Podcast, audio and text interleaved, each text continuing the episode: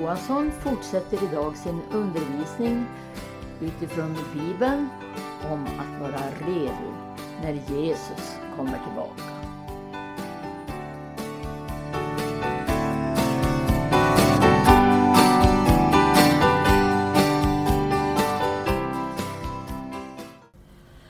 Ja, det är eh, onsdag morgon. Välkommen att lyssna till program från Radio Maranata. Och eh, jag ska fortsätta med det här ämnet som jag tidigare har haft. Eh, blev ett litet avbrott men eh, eh, vi tar upp det här ämnet igen. Och det handlar om Vem är redo när Jesus kommer? Ett oerhört aktuellt ämne då vi lever i den tid då Jesus ska komma tillbaka. Eftersom han ännu inte har kommit så kommer det nu att ske.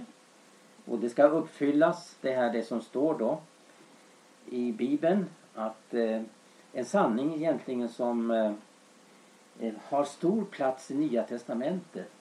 Ja, för övrigt hela Bibeln.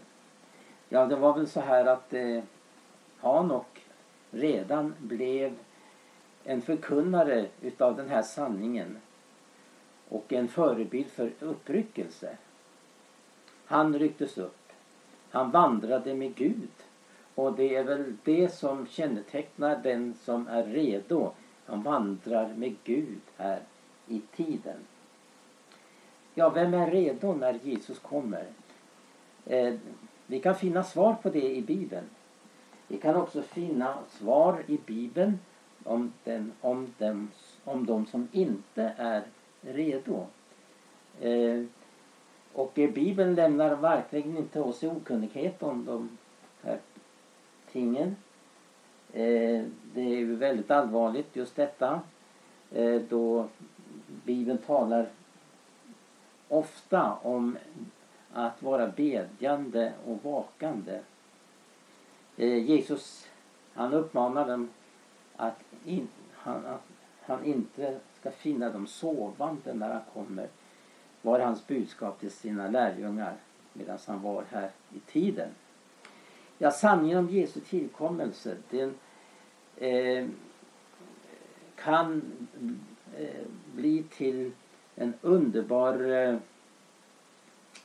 eh glädje och inspiration. Men det kan också drabba människor faktiskt.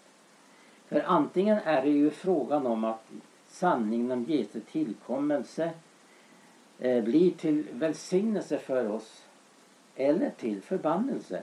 För vad säger Paulus? Om någon inte har Herren kär så vare han förbannad. Maranata.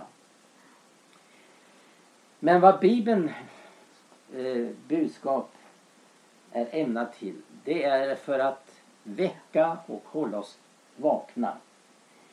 Och det här sanningen om Jesu tillkommelse det eh, ska vi strax lyssna till en mycket känd förkunnare som är hos Herren eh, sen en del år tillbaka. Det är Frank Mangs som för övrigt vi eh, förmedlar det budskapet här på tisdagarna av eh, Stina Fridolfsson Hon läser nu den här boken med brinnande lampor.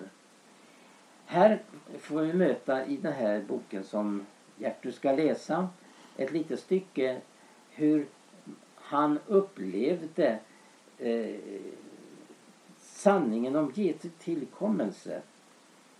Eh, hur det berörde honom och hur eh, men faktum är att medan han ännu var ofrälst så var den sanningen eh, eh, någonting som drabbade honom och som han eh, var vaken över. Fast inte han till och med var frälst så var han vaken över den sanningen att Jesus skulle komma tillbaka. Och han upplevde sig själv naturligtvis eftersom inte han var frälst, inte var redo. Han upplevde sin mor som var en varm troende kvinna och som hade detta, denna sanning om Jesu tillkommelse levande. Ja, hon levde i den sanningen och såg fram emot det. Det var någonting som fröjdade henne men också samtidigt en stor nöd för hennes son att han skulle bli frälst. Ska du läsa här eh, ett, val, eh, ett stycke som då handlar om i, alldeles i början av eh, hans liv som pojke hur han eh, upplevde detta att Jesu tillkommelse talade till honom så väckande. Ja, det står i den här boken då som en brinnande lampor. Eh, där skriver han så här. Jag vet inte hur pass stor betydelse bilderna i familjebibeln hade vid min avgörelse för Gud som kom åtskilliga år efter det jag förlorat intresset för min barndoms bästa bilderbok. Psykologerna påstår att det intryck man får som barn tränger djupare ner i själslivet än alla senare upplevelser. Det är möjligt. Jag vet bara att jag, även som oomvänd, hade en fast tro på att Herren Jesus ska komma igen. Den tron hade jag fått i arv av min mor. Och ändå var det en oerhörd skillnad på hennes tro och min.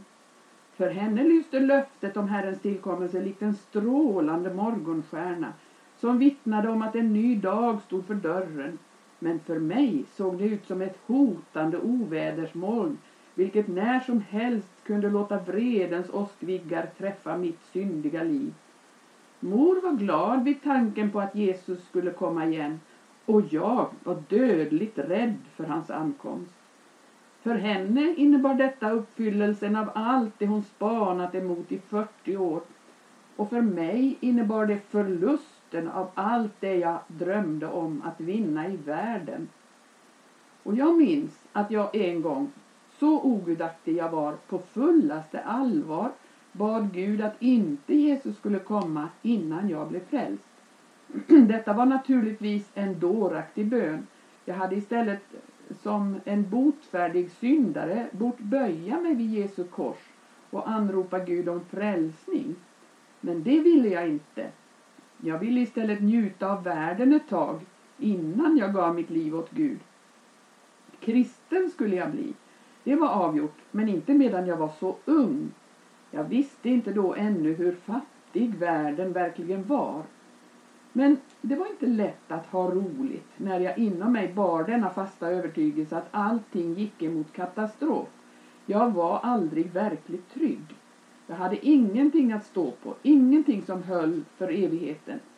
Det är möjligt att det var fruktan som delvis drev mig att bliva en kristen och i så fall tackar jag Gud för den.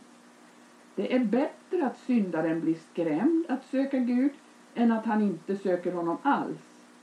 Och ve oss kristna förkunnare om vi i vår förkunnelse blir så försiktiga och finkänsliga att vi slopar sanningen om syndens eviga följder. Ändå är jag inte alls säker på att jag kunnat leva utan Gud, även om tanken på Herrens tillkommelse aldrig snuddat vid min hjärna. Ty det fanns ett tomrum i mitt innersta som ingenting i världen kunde mätta. Jag var helt enkelt skapad sådan att jag inte kunde fortsätta att leva utan Gud och därför blev jag en kristen. Det kan hända att andra har funnit mer innehåll i ett liv utan Gud än vad jag fann. Det ser faktiskt ut som om somliga människor inte skulle begära någonting mer än mat och kläder och jordisk vänskap, ytliga nöjen och sinnlig njutning. Det ser så ut till en tid. Men så händer det ibland att nöd och död ställer den lättsinniga varelsen inför evighetens allvar. Och då läggs tonen om. Man känner att man behöver Gud.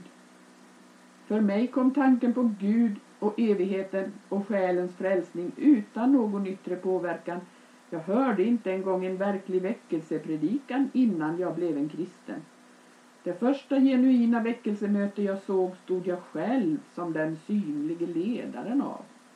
Men det underbara hände att när Gud fått hand om mitt liv försvann all fruktan för att Jesus skulle komma igen.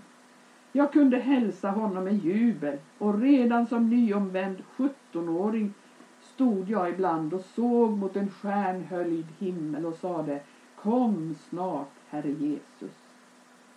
Ja, det var här eh, hälsning som eh, vi påminde i förra tisdagen om att eh, de första kristna hade detta, denna sanning väldigt levande och att de levde i detta. Att Jesus ska komma tillbaka. Därför att eh, man hade en sådan innerlig relation till Jesus. Har man en innerlig relation till Jesus då blir talet om Jesu tillkommelse någonting som man verkligen känner glädje i. Man blir inspirerad och man är eh, så som det fanns en bild i vår tidning Midnattsropet för en del år sedan där det eh, liksom illustrerade i en teckning om de tio jungfrurna hur fem stycken strålade och hade blicken riktad uppåt medan de fem andra eh, levde liksom mera i skymundan och eh, med sänkt blick och eh, den var, blicken var slocknad på något vis. Eh, det var ju en som eh, i samband med att det fanns en artikel då vid det tillfället om det här med Jesu tillkommelse som den här teckningen då blev, fick komma med i tidningen. Och eh, det är väl så att vi upplever verkligen att det är hur viktigt det är att vara redo när denna stora händelse ska ske. Jag har ju tidigare hänvisat till eh, tre liknelser som eh, undervisar oss om hur vi ska vara redo och vem som är redo. Det är ju det som är också temat för de här sändningarna att eh, vi eh, eh ställer den här frågan. Vem är redo när Jesus kommer? Och med hjälp av de här tre liknelserna i Matteus 24 och 25 så får vi eh, verkligen veta hur vi gör oss redo. Hur vi gör oss redo. Och eh, det talar också om hur det är ställt med dem som inte är redo. Och det underbart att Gud har gett eh, en sån klar undervisning om just detta. Så att vi ska inte behöva eh, vara okunniga om, om detta med förberedelsen. Eh, dels är det då det här Matteus 24 som jag tidigare har stannat inför men vill gärna att vi ska fördjupa oss i de här tre liknelserna.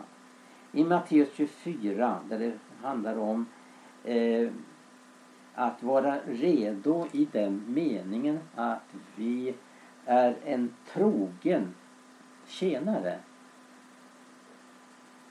För det står ju så här i Matteus 24 från den 44 versen. Var den därför och i redo för den stund då icke i väntan det skall Människosonen komma. Vidare står det så här. Finnes nu någon trogen och förståndig tjänare som av sin herre har blivit satt över hans husfolk för att giva dem mat i rätt tid. Salig är då den tjänare som hans herre när han kommer finner honom göra så. Det här är en sida av att vara redo inför Jesu tillkommelse. Det är att man är en trogen tjänare, trogen förvaltare. Och det är eh, väldigt viktigt att vi verkligen tar vara här i vårt liv, vårt korta jordeliv, att vi är satt till att förvalta.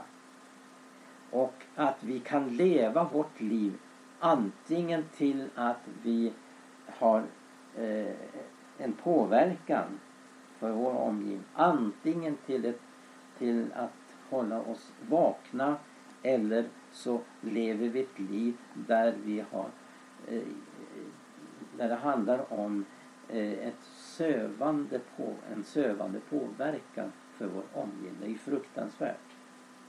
Därför är det att vaka och vara redo. Var därför och i redo vid en stund och icke vänta en del skall Människosonen komma. Men i samma eh, eh, avdelning här i Matteus 24 så handlar det också om de tjänare som säger i sitt hjärta Min Herre kommer icke så snart. Och han begynner att slå sina medtjänare, äta och dricka med den som är druckna. Och då skall den tjänarens Herre komma på den dag då han icke väntar det och den stund då han icke tänker sig det. Och han ska, och eh, han ska låta honom hugga honom stycken och låta honom få sin del med skrymtare. Där ska vara gråt och tandagnisslan. Och vi förstår att det här är eh, att Jesus använder sig här utav eh, bilder i en situation som uppstår när man inte är en trogen tjänare. Man umgås med de som är druckna. Det vill säga att det handlar om, för att överföra det på ett andligt sammanhang, man är sömndrucken, andligen sömndrucken. Man fullföljer inte sitt tjänarvärv. Utan man äter och dricker med den som är druckna. Man till och med slår sina medtjänare. Det här kan man påtagligt uppleva. Och så upplever också den som är levande och brinnande och väntar Jesus att då han möter denna ljumhet i sin omgivning det blir som att uppleva ett slag. För eh, så är det. Och det är inte lätt för den som vill leva ett gudfruktigt liv, säger ju Bibeln. Så skulle alla de som vill leva gudfruktigt i Kristus Jesus få lida förföljelse till och med. Det här är en sida av att vänta Jesus, att leva i sitt förvaltarskap. Och så kommer vi in då på kapitel 25. Och då handlar det i den här liknelsen om då tio jungfrur. Och då är frågan om att de har det i sikte att gå att möta sin brudgum. Och här talas det då om en relation till Jesus. Eftersom Jesus säger då till de oförståndiga Jag känner eder inte. Och då får vi ta vara på den här undervisningen och se vad är det Jesus vill undervisa oss om. Och att det handlar då om fem oförståndiga och fem förståndiga. Om det oförstånd, oförståndiga står det att det tog väl lampor men tog ingen olja med sig. Det förståndiga återtog olja i sina kärl tillika med lamporna. Och då brudgummen dröjde blev alla sömniga och somnade. Men vid midnattstiden ljödet anskri sig brudgummen kommer, gå ut och möten honom. Det som skiljer de här två kategorierna av det som går ut för att möta Jesus så handlar det om ett kärl som de oförståndiga inte tog med sig. Båda hade naturligtvis olja men eh, den här oljan den tog slut så småningom för de oförståndiga. De upplevde att eh, det kanske inte var så bekvämt att ta med sig dessa kärl. Men för att verkligen förstå den här liknelsen och lärdomen som Jesus vill ge så får man då ställa sig frågan vad är kärlet? Vad är kärlek? Och då är det naturligtvis helt uppenbart att det handlar om att eh, kärlet är på det sätt vi har en relation till den heliga Ande. För att oljan är ju en bild på den helige Ande. Det handlar om att i vår frälsning ska vi ha naturligtvis den här inriktningen att vara uppfylld av den heliga Ande. Och inte uppleva det som någon upplevelse som vi har gjort utan det är frågan om här och nu. Och som Paulus skriver till Fesna så förnyas nu genom anden som bor i era sinne. Så förnyas nu genom den heliga anden. Att leva i förnyelsen det är att ha ett kärl med sig. Och därför så påminner också Paulus i Timoteus och, och det är också en sida utav vårt liv.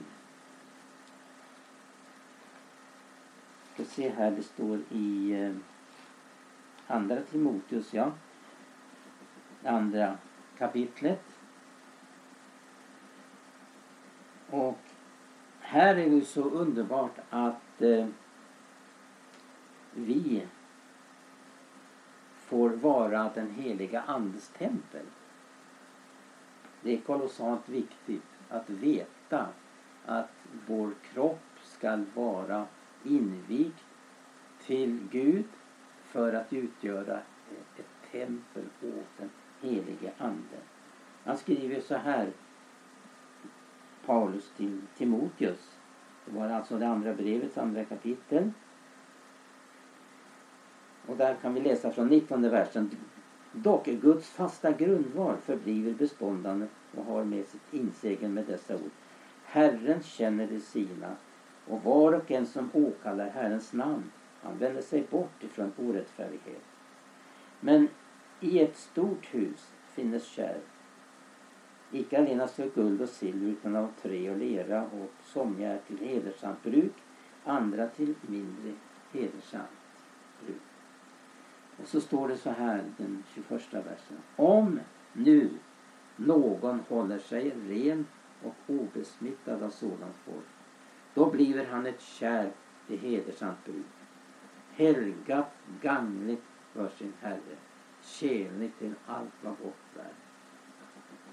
Om nu någon håller sig ren och obesmittad av sådant folk, då bliver han ett kärl. Och även om det här behandlar två olika sidor i för vårt förhållande till den heliga Ande så är det ju frågan om detta som har att göra med vårt förhållande till den heliga Ande som är vårt liv att vi är levande.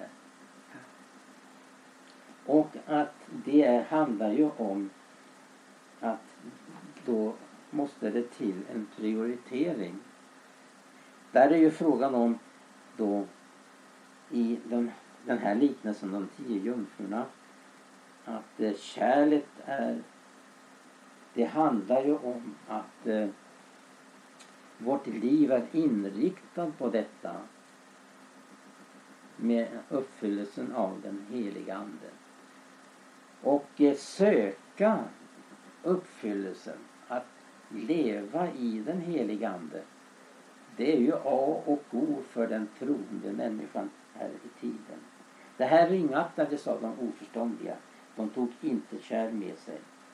De räknade med att leva på det välsignelse, på sin pånyttfödelse. För det är ju uppenbart att de alla var pånyttfödda eftersom det handlar om, om eh, brudetermen. De skulle alltså gå ut för att möta brudgummen men undanled det väsentligaste i detta att ta med sig kärl.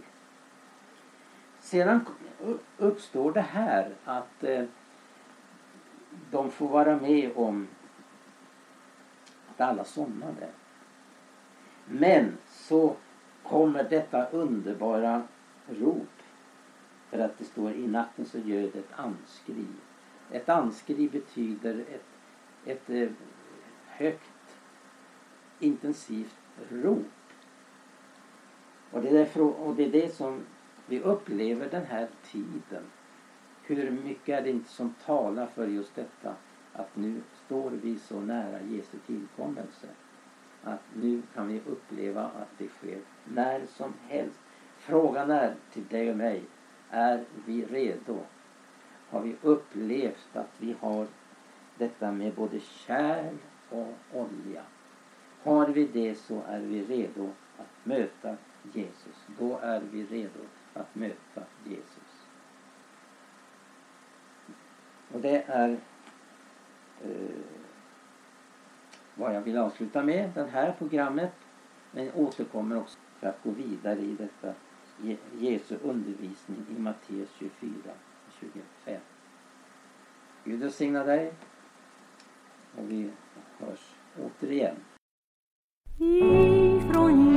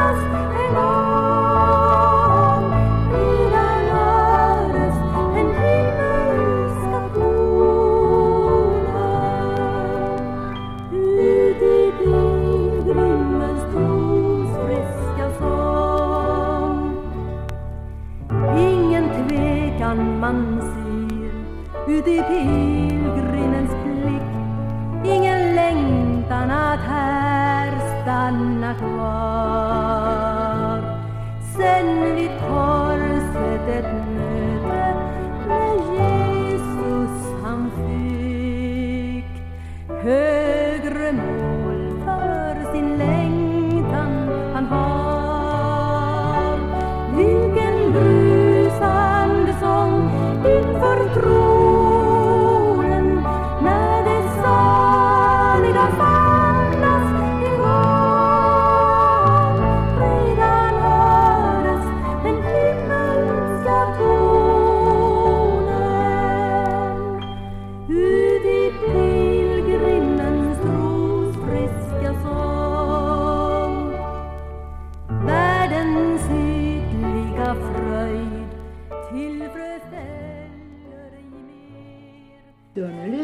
Till ett program ifrån Radio Maranata. Och det var Tage Johansson, assisterad av sin fru Gertrud, som eh, talade över att vara redo när Jesus kommer tillbaka. I avslutningen hör vi sång av Ulla Kristensen ifrån jordlivets natt. Och eh, eh, vill du ha kontakt med Radio Maranata och Maranataförsamlingen så kan du ringa 070 201 6020 eller gå in på hemsidan maranata.se och informera dig om Maranatas verksamhet på olika platser. Där går det också att lyssna både direkt på en del sändningar och eh, från ljudarkivet där det finns samlat både möten och radioprogram. Och Radio Maranata sänder över Stockholm 88 MHz och Örebro 95,3 MHz varje morgon klockan 8. Måndagar och onsdagar även klockan 18. Gud välsigne dig och på återhörande.